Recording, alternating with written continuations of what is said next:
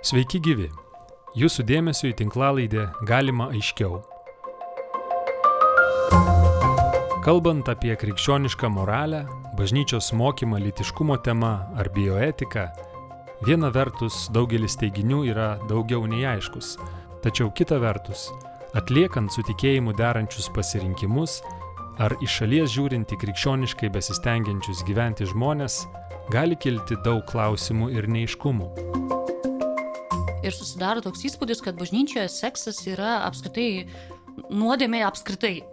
Gyvenimas kartu prieš santoką. Kas čia yra tokio blogo, jeigu žmogus myli vienas kitą?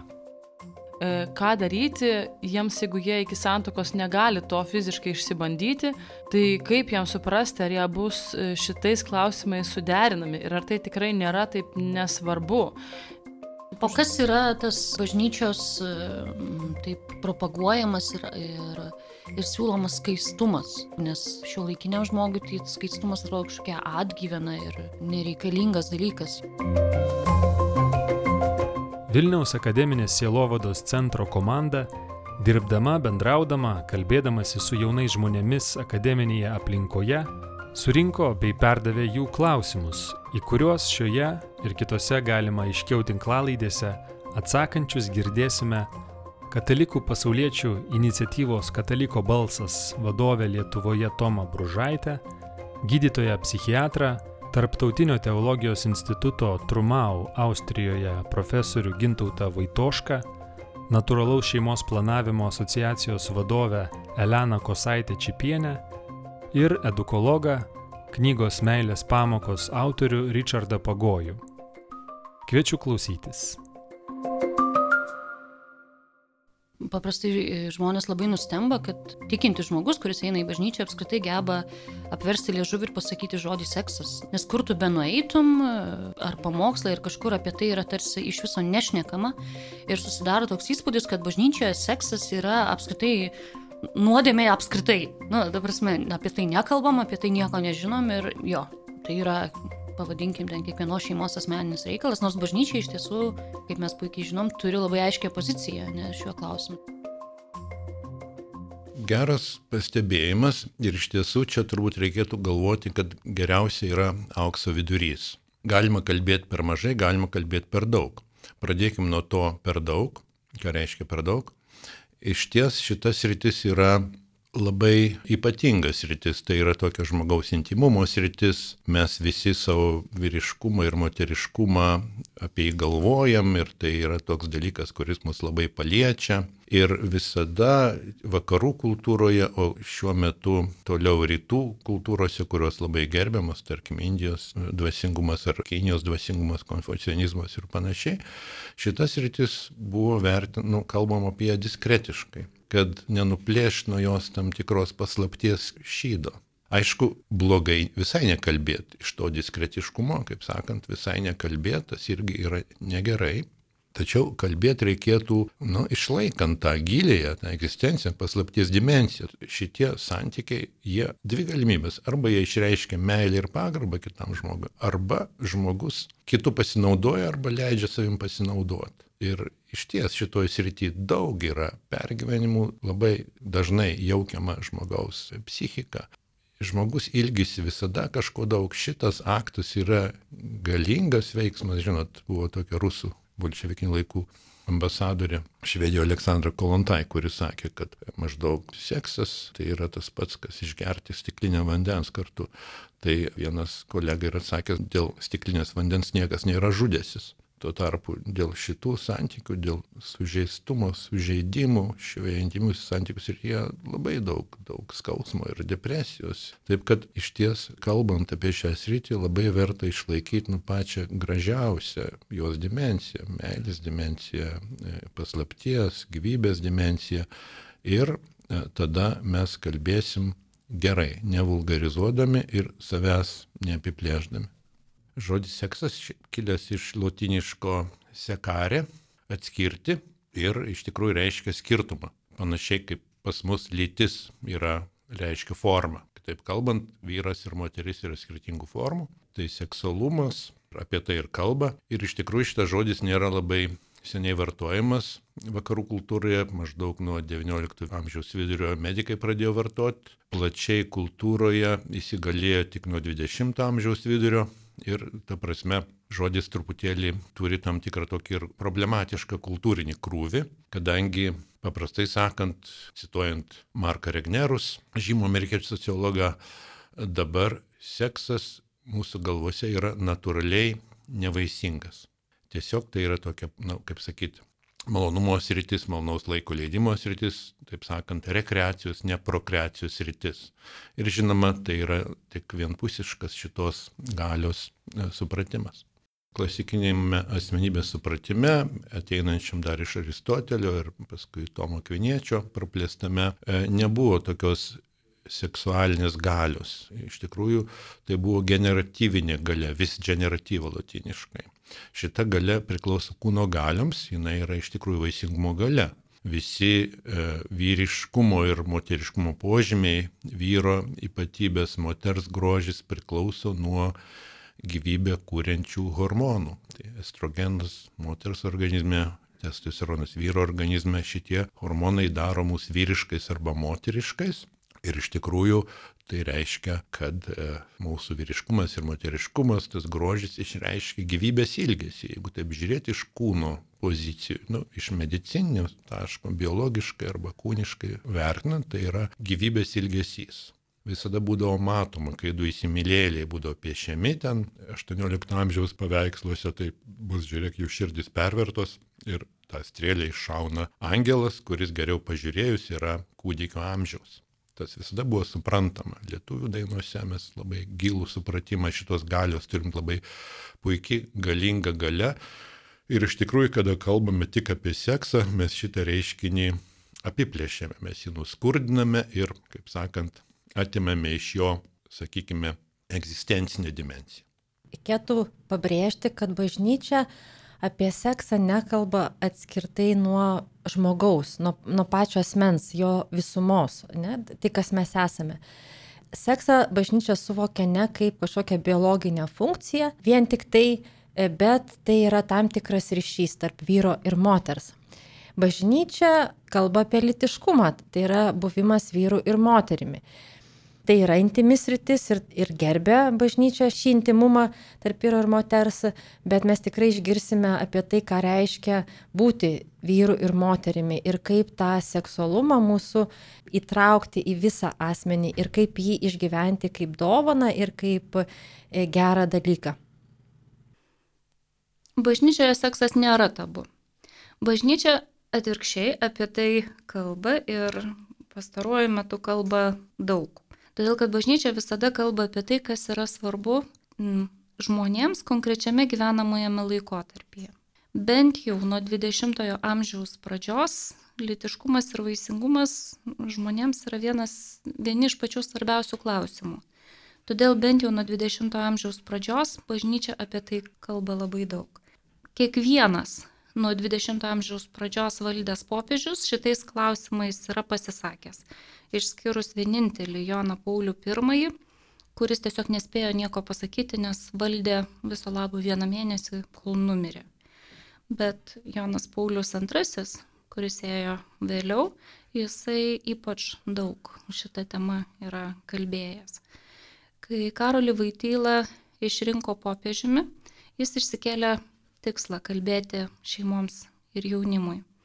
Ir jisai savęs paklausė, Jeigu aš noriu kalbėti šitiems žmonėms, aš turiu kalbėti apie tai, kas jiems yra svarbu. Jeigu aš noriu juos pakviesti, patraukti, kas yra svarbu šeimoms ir jaunimui. Lytiniai santykiai. Vadinasi, aš apie tai kalbėsiu. Ir kalbėjo, netgi visiškai tiesiogiai, penkerius metus. Kiekvieną trečiadienį iš Vatikano balkono skaitė paskaitas šeimoms ir jaunimui. Ir tos paskaitos yra surinktos į vieną didelę krūvą ir pavadintos kūno teologija. Iki Jono Pauliaus antrojo buvo žodžio teologija, nuo Jono Pauliaus antrojo prasidėjo kūno teologija. Ir tos paskaitos yra studijuojamos visame pasaulyje.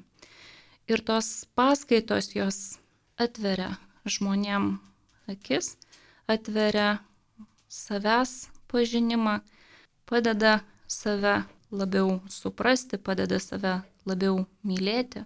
Ir bažnyčioje apie tai yra kalbama, organizuojamos rekolekcijos šitą temą, skaitomos paskaitos, vyksta susirinkimai, diskusijų grupės renkasi įvairiose parapijose. Reikia tik tai ieškoti. Apie žmogaus kūną, nes nu, šiaip žmogaus kūnas yra Dievo sutvertas, jisai yra gražus, nu, pats savaime jis yra labai gražus, o tai kodėl bažnyčioje jį reikia slėpti?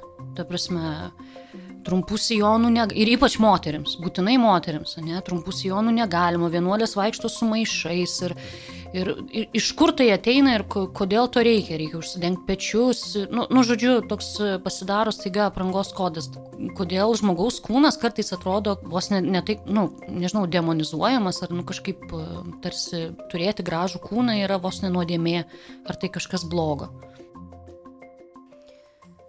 Kūnas yra nenuodėmė, gražus kūnas yra gėris ir tikrai nieko tame nėra blogo. Dievo kūnas sutvertas yra visas gražus.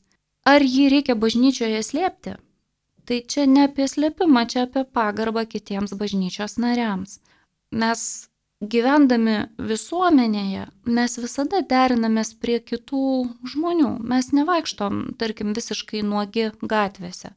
Jeigu koks nors žmogus sugalvotų visuomenėje išeiti į gatvę visiškai nuogas, nes, nu, mano labai gražus yra kūnas, tai labai greitai jį išsivežtų policija. Todėl, kad kiti visuomenės nariai manys, kad šito žmogaus nuogumas pažeidžia jų teisę nematyti tokių vaizdų. Bažnyčia irgi niekaip nereikėtų akcentuoti, kad kažkaip bažnyčioje reikėtų kitaip. Aš tai gal kitaip sakyčiau, kai eini į bažnyčią, tu eini į šventę. Sekmadienis iš principo yra šventė. Ir kai mes einame su šeima sekmadienį į bažnyčią, mes visada vaikus rengiam šventiškai. Ir patys rengiame šventiškai. Ir mes neinam, tarkim, su mm, maudymosi kostiumėliais į bažnyčią. Bet mes lygiai taip pat su maudymosi kostiumėliais neinam ir į banką arba į universitetą. E, trumpi sijonai. Man atrodo, kad čia yra perdėta, kad jeigu trumpas sijonas, tai neženk žingsnio į bažnyčią. Bet visa kita yra pagarbos ribose. Ar vienuolės vaikšto su maišais?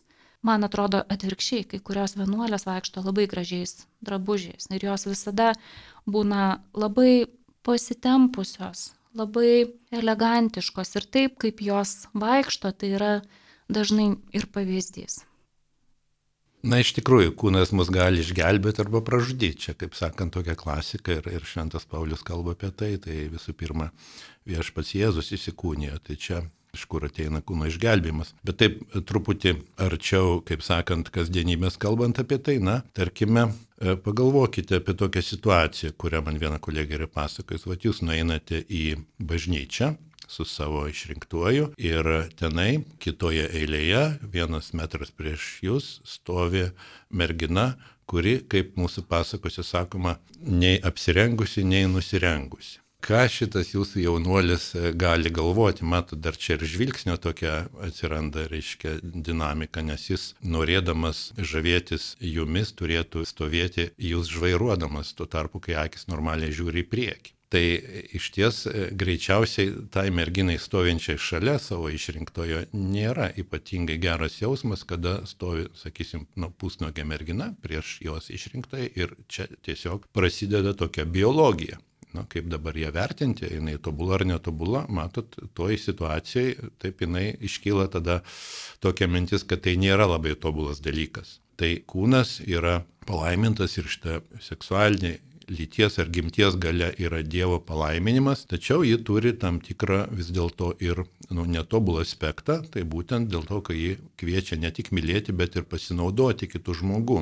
Pasinaudoti ir kitą įskaudinti ir kitas iki, reiškia, ištikimybė iškyla, pavojus kažkas kažką nuvilioja ir panašiai. Žodžiu, sakyčiau, kūno grožis yra puikus dalykas, tačiau, kaip Karolis Vaitila rašo, jis turėtų išreikšti asmens grožį kūno grožis turėtų, turėtų būti subordinuotas asmens grožiui. Ir net virkščiai, nes tada tas asmo yra praturtinamas, o nenuskurdinamas. kodėl reikalingas skaistumas iki santokos? E, ar tai veikia? Ką man tai duoda? O kas yra tas bažnyčios e, taip propaguojamas ir, ir, ir siūlomas skaistumas? Nes nu, šio laikiniam žmogui tai skaistumas atrodo kažkokia atgyvena ir nereikalingas dalykas, juk, nežinau, blogo, geroms mergaitėms dangus, o blogoms mergaitėms viskas. Ir... Gerom mergaitėm dangus, blogom šakės, aš sakyčiau. Taip. tai taip jau aštriai e, pasakant, nėra blogų mergaičių, yra tik e, mergaitės, kurios e, siekia meilės ir laimės, gerai nesuprasdamos apie tuos tikrus patikimus kelius to pasiekti. Skaistumas, reikia pažiūrėti lietuvių kalbos žodį, mes iš tikrųjų mūsų kalba labai turtinga šitą prasme, kad žodis skaistus, skaistas, skaistumas naudoja ne tik moralinė prasme. Kitose Europos kalbose šiek tiek tai yra vartojama, vokiečių, anglų, bet mažai mes turim net 11 reikšmių skaistumo. Visos reikšmės kalba apie nu, tam tikrus šviesos, atspalį šviesos, tokio spindėjimo niuansus. Tai gali būti ir skaistus skruostai, skaistus veidas, skaistus žvilgsnis, skaisti klausa, jeigu yra klausa, skaisti troba, jeigu graži troba, skaisti saulė kalbame, skaistus oras. Visą tai kalba apie apie ką kalba gera skaisti diena, skaisti saulė, apie gerą nuotaiką, apie spindėjimą, apie, apie šilumą, apie laimę, apie džiaugsmą, tai tokį įspūdį sudaro skaisti mergina ir skaistus vyras taip pat. Tai yra tam tikras spindėjimas, tam tikras spindėjimas. Na ir techniškai kas tai yra? Tai yra gimties arba seksualinės galios e, reiškimas per savo asmenį, suosmeninimas, kaip katekizmas sako, o jeigu dar taip moderniau kalbant, tai yra seksualinės galios transformacija. Tai apie šitą transformaciją kalba kiekviena joga ir, kiek, reiškia, visos budizmo mokyklos, norint pasiekti bent kiek geresnių rezultatų, reikia tą galę transformuoti. Nu, psichoanalizė naudojamas žodis sublimacija, Taip pat Zygmundas Freudas laikė, kad žmonės, kurie šitą galę panaudoja ne fiziniam lygmenyje, bet e, transformuoja į dvasinį lygmenį, labai daug pasiekia ir jų tarp buvo didelių mokslininkų ir menininkų, tai nebūtinai dabar reikia e, mokslininkų tapsi tik tai, jeigu e, gyvensi, taip sakant, celibatę, bet šitie dėsniai yra žinomi, kad šita gale, jeigu ji na, nukreipiama į tokia kūryba ir, ir ne tik kūryba, kažkokių mokslo dalykų panašiai, bet meilės kūryba, taip pat santykių kūryba, taip pat žmogus, kuris savo šitą galę, per seksualinę galę, per gimties galę išreiškia meilę savo sutoktiniui, tai jis yra skaistus pagal bažnyčios apibrėžimas, seną labai apibrėžimą Tertulijono dar iš, iš vieno bažnyčios pirmųjų mąstytojų, tai santokinis skaistumas ir kada šita galė išreiškima, nu, nemalonumui siekti, bet meilį patirti, meilį išreikšti, tai irgi yra skaistus žmogus. Tai tada yra tam tikras iš tiesų tokia šviesa vidinė. Kodėl? Dėl to, kad neskaistumas tai susijęs su kito žmogaus naudojimu, savo malonumui. Tai tas naudojimas yra tokia, nu, žinot, apsiniaukusi būsena į klausimą, ar veikia, galim būtų atsakyti, kad veikia, nes daugelis tyrimų rodo, kad žmonės, kurie buvo skaistus iki santokos, sukuria laimingesnės santokas, mažiau skirybų, maždaug pusantrų kartų. Dabar ką tai duoda, tai visų pirma gebėjimą šitą galę naudoti meiliai, o ne savo instinkto patenkinimui. Tam, kad nenaudot kito žmogaus savo malonumui, reikalinga tam tikra pastanga. Na, tarkim, jeigu imti santokinį gyvenimą, toks gal paprastas pavyzdys, sakysime, yra sakius viena amerikietė. Moteris, kuri nustojo vartoti kontracepciją, sako, aš tokia laiminga pasijaučiau kartais, gulime kartu su vyru, jis mane laiko apkabinęs ir nieko iš manęs nenori, aš jaučiuosi kaip karalienė. Tai vyras, kuris negali savęs suvaldyti, tai būtų skaistumo, savybės skaistumo, darybės trūkumas, jis bus labiau egocentriškas, turbūt taip pat ir moteris. Šitas įprotis, gebėjimas suvaldyti save ir tą meilę išreikšti per tokį tą potraukį, tą troškimą, gimties troškimą, seksualinį troškimą, kuris kuria labai daug entuzijazmo ir žmogų pakelia, bet jį gebėti išreikšti va, dvasiškai, psichologiškai yra labai vertingas dalykas, kuris gali, žmogus gali tai išlavinti savie šitą gebėjimą reikšti, šitą galę taip psichologiškai ir, ir dvasiškai tuo metu, kada myli vyras mergina, moteris vyrą prieš santoką, yra ta stipri gale, bet jie geba ją reikšti skaiščiai vienas kitam per meilę, per prisilietimą, per žodžius panašiai. Šitas gebėjimas labai vertingas santokinės meilės žydėjimui. Aš skaistumą suprantu taip, kad skaistumas yra tam tikras skaidrus žvilgsnis į kitą žmogų. E, kur mes vartojam žodį skaistus? Tai pavyzdžiui, mes sakom skaisti diena. Skaisti diena yra tokia diena, kur šviečia saulė ir nėra jokių e, danguje debesų, kurie kažkaip tą saulės šilumą užstotų ar saulės šviesą užstotų. Mm, mes dar galime kalbėti apie skaičią spalvą, kalbame. Kokia skaisti spalva, tai yra tokia tikra spalva. E, spalva, kuri neturi priemaišų, kuri yra švari spalva. Ne? Tai lygiai taip pat yra su žvilgsniu. Skaistus žvilgsnis į kitą tai yra švarus žvilgsnis, kur aš matau kitą asmenį visą, ne kažkokią jo dalį, kuri gali suteikti malonumą ar kuri kažkaip vilioja e, mane, bet matau visą jį, visą jo grožį, taip pat jo galbūt tokias silpnasias pusės ir aš jį priimu tokį, koks jis yra. Tai aš taip suprantu skaistumą. Tai nėra tik tai apie lytinį elgesį arba e, kažkokio lytinio elgesio atsisakymą. Ne, aš manau, kad skaistumas tai yra skaistus žvilgsnis į kitą, kai aš matau jį visą, matau daugiau negu, negu mato neskaistus žmogus. Jeigu kalbam apie skaistumą ir susilaikymą, bažnyčia mus kviečia į skaistumą ne tik tai lytiniuose santykiuose, kartais yra labai taip siaurai suprantamas, kad skaistumas tai yra tik tai lytiniuose santykiuose. Skaistumas yra visa skaistumo doktrina, kuri sako, kad visas mūsų gyvenimas turi būti skaistus. Visi mūsų darbai, visi mūsų poelgiai, visos mintis, visi veiksmai ir lytiniai santykiai taip pat turi būti skaistus. Jie turi būti be melo, jie turi būti iš meilės. Čia nuskambėjo keli klausimai, keli klaustukai ir mane gal kažkiek trikdo tas paskutinis, ką man tai duos, nes e, kai mes kalbame apie santykius su kitu žmogumi, tai reikėtų galvoti ne ką man tai duos, bet ką aš galiu duoti, ko galiu atsisakyti vardant kito, ką galiu paukoti kitam, kaip galėčiau atsakyti į kito žmogaus poreikius. Todėl tas, ką man tai duos. Bet nepaisant to, aš vis dėlto pabandysiu atsakyti, kas yra skaistumas ir, ir e, ar tai veikia ir, ir kam jis reikalingas.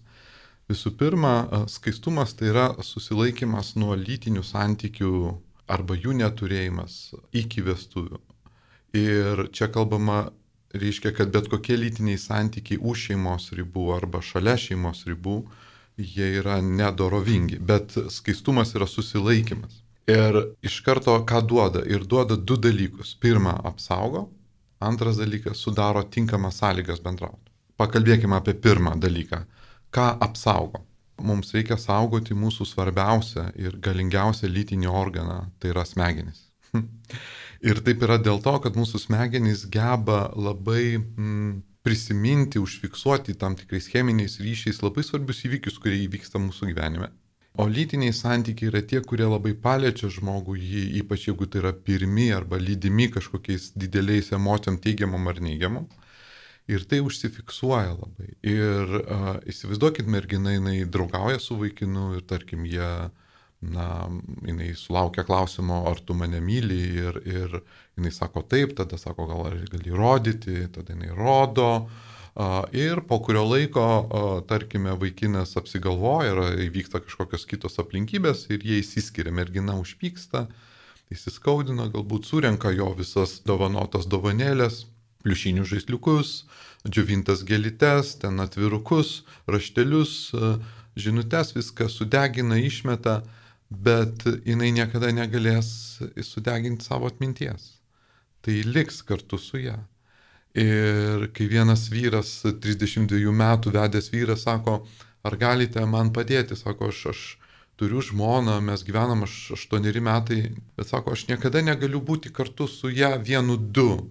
Nes sako, kiekvienas įgy, kaip mes mylimės, mane užpūsta prisiminimai apie ankstesnius mano santykius ir tai man trukdo mylėti ir jis netgi prarado norą galbūt mylėti su savo žmona.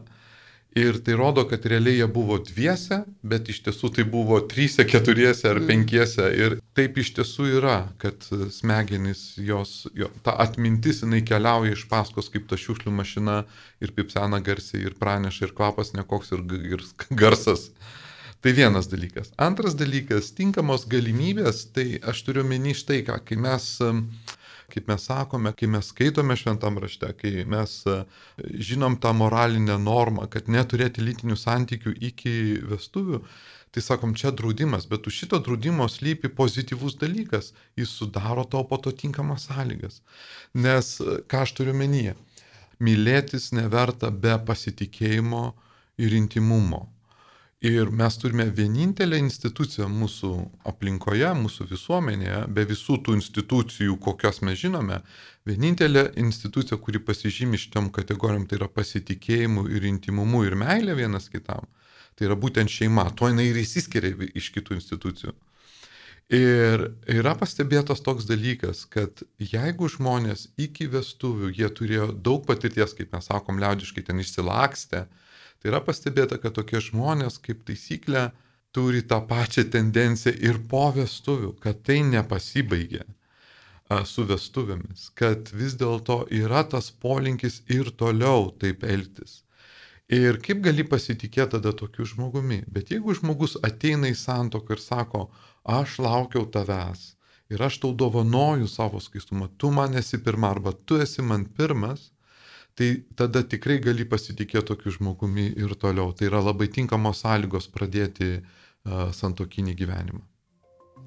Kaip suprasti, kad fiziškai du žmonės, kurie turi skirtingą požiūrį į seksą, skirtingą poreikį į seksą, skirtingą, skirtingai įsivaizduoja jį kartu, e, ką daryti, jiems, jeigu jie iki santokos negali to fiziškai išsibandyti, Tai kaip jam suprasti, ar jie bus e, šitais klausimais suderinami ir ar tai tikrai nėra taip nesvarbu.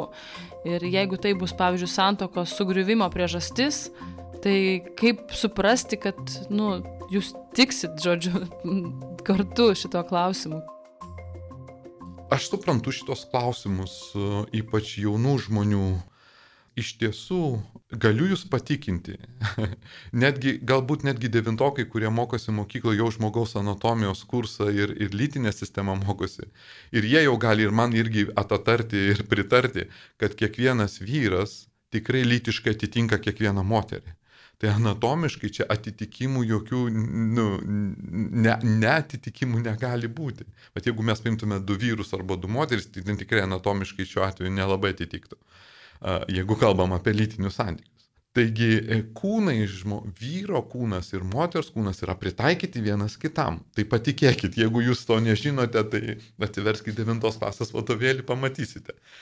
Bet kita vertus, ta baime, ar mes netitiksime, jinai galbūt e, kyla iš tokio mūsų visuomenės spaudimo, tokio socialinio spaudimo, kad labai mes esam tokia labai seksualizuota visuomenė, gal čia dabar kita truputėlį tema. Bet santoka griūna tikrai ne dėl problemų lovoje, bet problemų galvoje. Tai yra dėl problemų santykiuose. Ir jeigu tokia pora nueina pasikonsultuoti, tarkime, dėl techninių dalykų, sako, mums čia kažkas gal nesigauna pas e, psichoterapeutą kokį nors, tai žinokit, jeigu, jeigu tai geras psichoterapeutas, jis uždeg žvakelę, ten pritemdys, uždės gal muziką ir leis, kad jie kalbėtųsi, išnekėtųsi, kitaip tariant, bus pradėta kreipti dėmesį ne į technikas, bet į santykius, į požiūrį vienas į kitą. Ir žiūrėk, po kurio laiko įsisprendžia ir kiti klausimai. Todėl, kad problema yra tikrai, nu, ne lovoje ta pagrindinė skirybų problema, bet santykiuose tarp žmonių. Bet tikrintis reikia štai kokius dalykus. Tris dalykus pasakysiu ir mm, apie tai plačiau rašo Kelleris savo knygos Santokos prasme. Pasitikrinti reikia taip, ar yra bendras požiūris į gyvenimą, tai yra koks tavo požiūris į vertybės, į tai, kas laukia po mirties, kitaip tariant, kalbama apie, apie vertybės. Antras dalykas, ką reikėtų pasitikrinti, pasižiūrėti, kaip žmogus yra linkęs spręsti problemas nes problemų sprendimo įgūdžiai yra labai svarbus. Kaip žmogus elgesi stresiniai, konfliktiniai situacijoje? Ar jis geba spręsti konfliktus konstruktyviai? Vat dėl to draugystė iki santokos reikėtų skirti laiko pažiūrėti, vat, pereiti per visokias situacijas konfliktinės. Ir trečias dalykas, ar jūs turite bendrų interesų, bendrų išgyvenimų. Ar yra koks nors trečias dalykas, kuris jūs vienyje? Kitaip tariant, ar, ar jūsų santykiai turi turinį? Ar jūsų draugystė turi turinį? Ir tas trečias dalykas, jis gali būti bet kas. Tai gali būti, nežinau, ten šaudimas po vandeniu šachmatus, arba ten, nežinau, žvirblių kimšimas iškamšoms daryti, ar ten nu, bet kokia veikla, kokia, ar yra nors bendra veikla, kuri jūs vienodai domina, ar tas interesas yra nors koks nors bendras. Ir ne, ne, netinka, kad mes vienas kitą labai rūpim, mes vienas už kito laikomės. Ne, ne, ne, čia netinka tai. Čia kalbama apie tai, ar yra tas va, trečias dalykas veikla, į kurią jūs galite bendrai kartu žvelgti ir, ir va šitie trys dalykai, kuriuos vertėtų susiderinti ir derintis prieš einant į santoką. Pakartosiu dar kartą, tai yra vertybės, bendras požiūris į gyvenimą, toliau problemų sprendimas, kaip mes sprendžiame problemas, kaip reaguojama į problemas ir trečias dalykas tai yra, ar yra bendras interesas. Tikrai toks šekspyriškas klausimas, tiksim ar netiksim vienas kitam kartu. Iš tiesų, labai nu, dažnas, dažna bejonė, dažnas galbūt nuogastavimas, kuris turbūt būtų galima ten aiškinti giliau, paliečiant psichologiją ir kaip mes save vertiname šitoje srityje. Tačiau yra gerai žinoma taip pat ir šiuolaikinėje seksologijoje, kuri šiaip gana skurdokai fiziologiškai orientuota. Seksualinė harmonija atsiranda esant psichologiniai harmonijai. Jeigu nesivysto šitoje srityje santykiai gerai, ieškok priežasčių nesusikalbėjime. Atvirame ar paslėptame yra tam tikra psichologinė įtampa, kuri paskui pasireiškia, nu, kaip sakyti, ir kūno srityje. Tad netitikti nėra įmanoma, jeigu viskas gerai tarp šitų žmonių, jeigu vyrauja meilė, supratimas. Dėl to šitas testas yra visiškai nebūtinas. Apie kažkokį ten kūnišką netitikimą negali būti kalbos, tokio dalyko nėra. Iš ties čia veikia tik e, psichologijos dėsniai. Kam tuoktis, jeigu gali būti, kad reikės skirtis? Tai gal geriau nežengti to žingsnio ir pasitikrinti. Patirtis rodo, kad e, santoka nebūtinai yra kažkoks magiškas elementas, kuris viską pakeičia. Tai klausimas yra gyvenimas kartu prieš santoką. Kas čia yra tokio blogo, jeigu žmogus myli vienas kitą? Žinoma, nieko blogo, kai, kai žmonės vienas kitą myli, tik bažnyčia sako, kad, na, jeigu vienas kitą myli, tai e, tą meilę reikia kažkaip e, labai konkrečiai ją parodyti. Ne? Tai santoka yra tas būdas, kaip aš tam žmogui, kurį myliu, parodau, kad aš tikrai jį myliu ir noriu su juo būti iki savo gyvenimo galo, nesvarbu, kas nutiktų. Nieko blogo, jeigu žmonės iš tiesų myli vienas kitą, bet kaip žinoti, ar tave myli kitas žmogus? Na, greičiausia, turbūt jis pasako, kad tave myli. Bet aš matau skirtumą, kai kaip pasako, na, jeigu pasako, tarkime, prie vyno taurės žvakių šviesoje tyliai pakužda, aš tave myliu. Vienas dalykas yra, o kitas dalykas, kai žmogus pasako tai garsiai ir taip garsiai pasako, kad girdi jo tėvai, jos tėvai, liudininkai, bažnyčios tarnas arba dvasininkas kitas. Ir ne tik pasako, bet ir padeda parašą. Ir ne tik padeda parašą, bet ir padovanoja žiedelį kaip, kaip ženklą. Ir turbūt suprantate, apie ką aš kalbu. Aš kalbu apie santoką tai turbūt yra kitas skirtumas vat meilės įrodymo ir pasakymo aš tave myliu. Nes santoka susitokimas yra, yra pasakymas aš, aš tave myliu. Ko iš tiesų norima? Ar nori draugauti tam, kad įsiskirtum? Ar nori draugauti su žmogumi ir kad išskirtų jūs mirtis?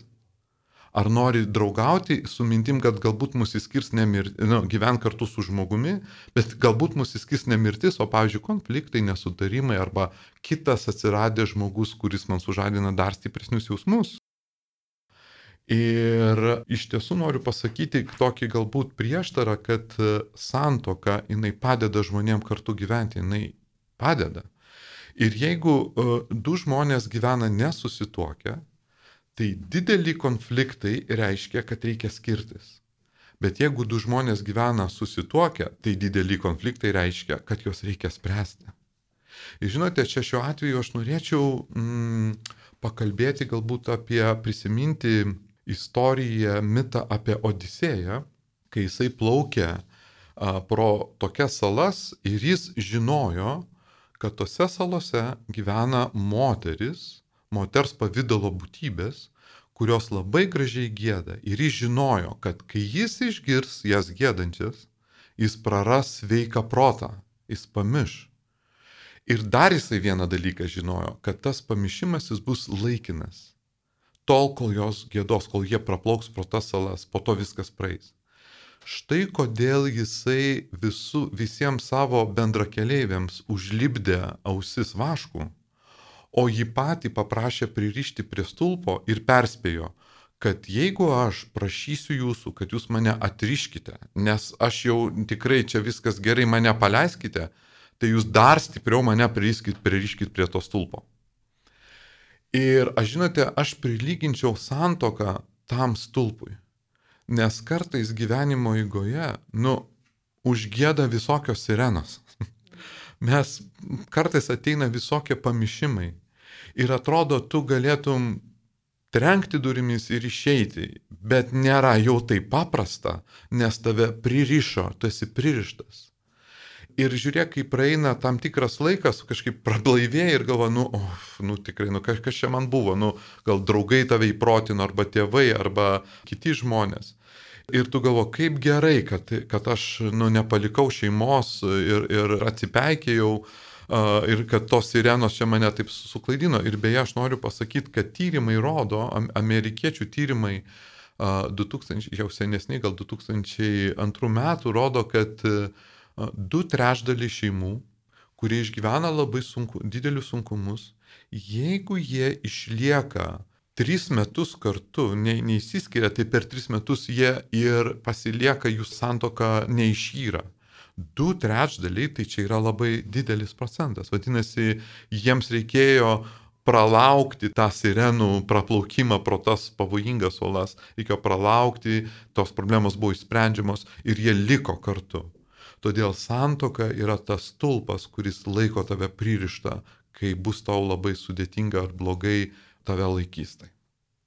Ir bažnyčia šiuo metu yra vienintelė institucija, kuri santokai rengia, kuri padeda e, žmonėm iš anksto pamatyti kai kuriuos dalykus, kai kurias tendencijas, apie juos pagalvoti, jiems galbūt ruoštis bet tas pasirengimas, jisai gali labai žmonėm padėti. Ir net ne tai, kad padėt, kad per tuos keletą ar keliolika susitikimų mes kažko labai išmokysim, bet padėti ta prasme, kad mums parodyti šaltinius, kuriuose vėliau mes galime ieškoti informacijos arba pagalbos, arba parodyti, kad yra įvairiausių būdų spręsti kylančius klausimus, kad yra įvairiausių bendruomenių.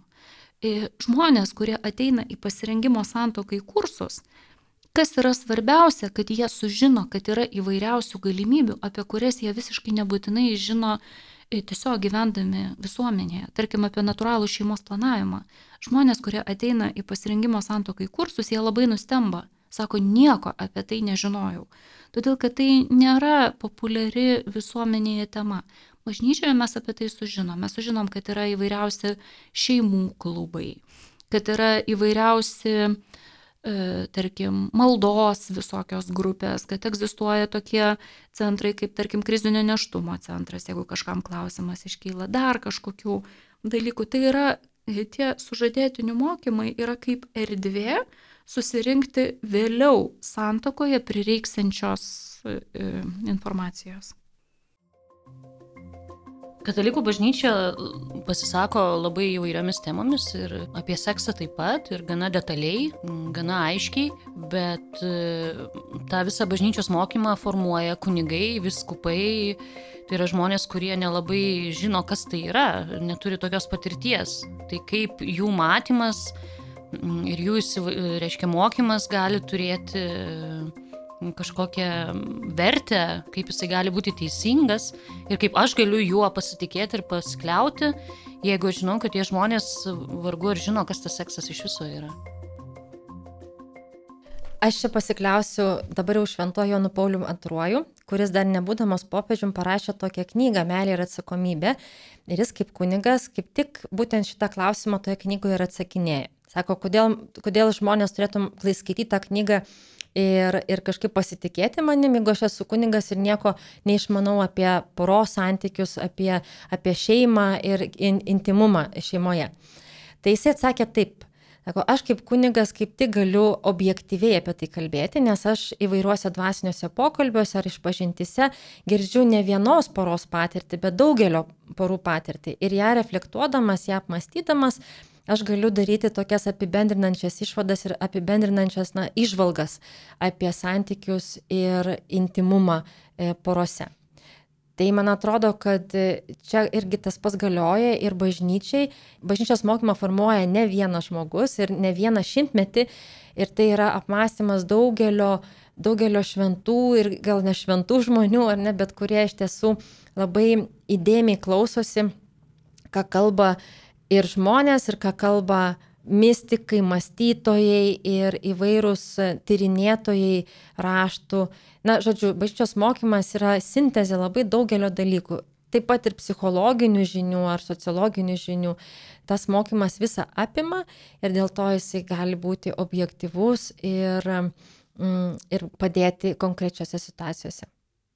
Bent jau šiais laikais, bent jau popiežiai nepriiminėja dažniausiai sprendimų vieni. Labai dažnai kažkokiais ypač svarbiais klausimais jie tarėsi su labai įvairių sričių specialistais. Tarkime, popiežius Paulius VI, kai buvo sprendžiama mm, dėl enciklikos Humanė Vytė, kuri pasirodė 1968 metais, popiežius labai ilgą laiką apie šitą encikliką svarstė. Šita enciklika pasirodė labai svarbiu strateginiu momentu 1960 metais pasaulyje pradėta platinti hormoninė kontracepcija Junktinėse Amerikos valstijose. Europoje pradėta platinti 1961 metais. Būtent todėl tas septintasis dešimtmetis yra seksualinės revoliucijos dešimtmetis. Todėl, kad pasidarė galima turėti lytinių santykių nebe tik santokoje nesibaiminant pasiekmių ir tas vadinamasis išsilaisvinimas iš santokos pančių. Ir natūralu, kad tikintieji šito akivaizdoje kreipiasi į popiežių, prašydami padėti susivokti. Popiežius sprendė aštuonerius metus. Iki tol, kol pasirodė enciklika. Buvo sušaukta popiežiškoji šeimos taryba. Daug įvairių sričių specialistų, kurie, su kuriais popiežius tarėsi. Tai tikrai nėra vieno žmogaus sprendimas. Ir tas sprendimas, jisai yra labai apgalvotas, labai pagrystas ir jisai yra, kas dar yra labai svarbu tikinčiam žmogui suprasti, kodėl man pasitikėti kunigais, kodėl man pasitikėti viskupais, nes jie sprendimus priima iš meilės tikintiesiems. Kitose galima aiškiau tinklalaidėse girdėsite daugiau klausimų apie krikščionišką mokymą, litiškumo tema, bioetiką ir atsakymus į juos. Mano vardas Rimas Macevičius. Tinklalaidę parengė Vilniaus akademinės Jelovados centras. Dėkoju, kad klausėte. Sudie.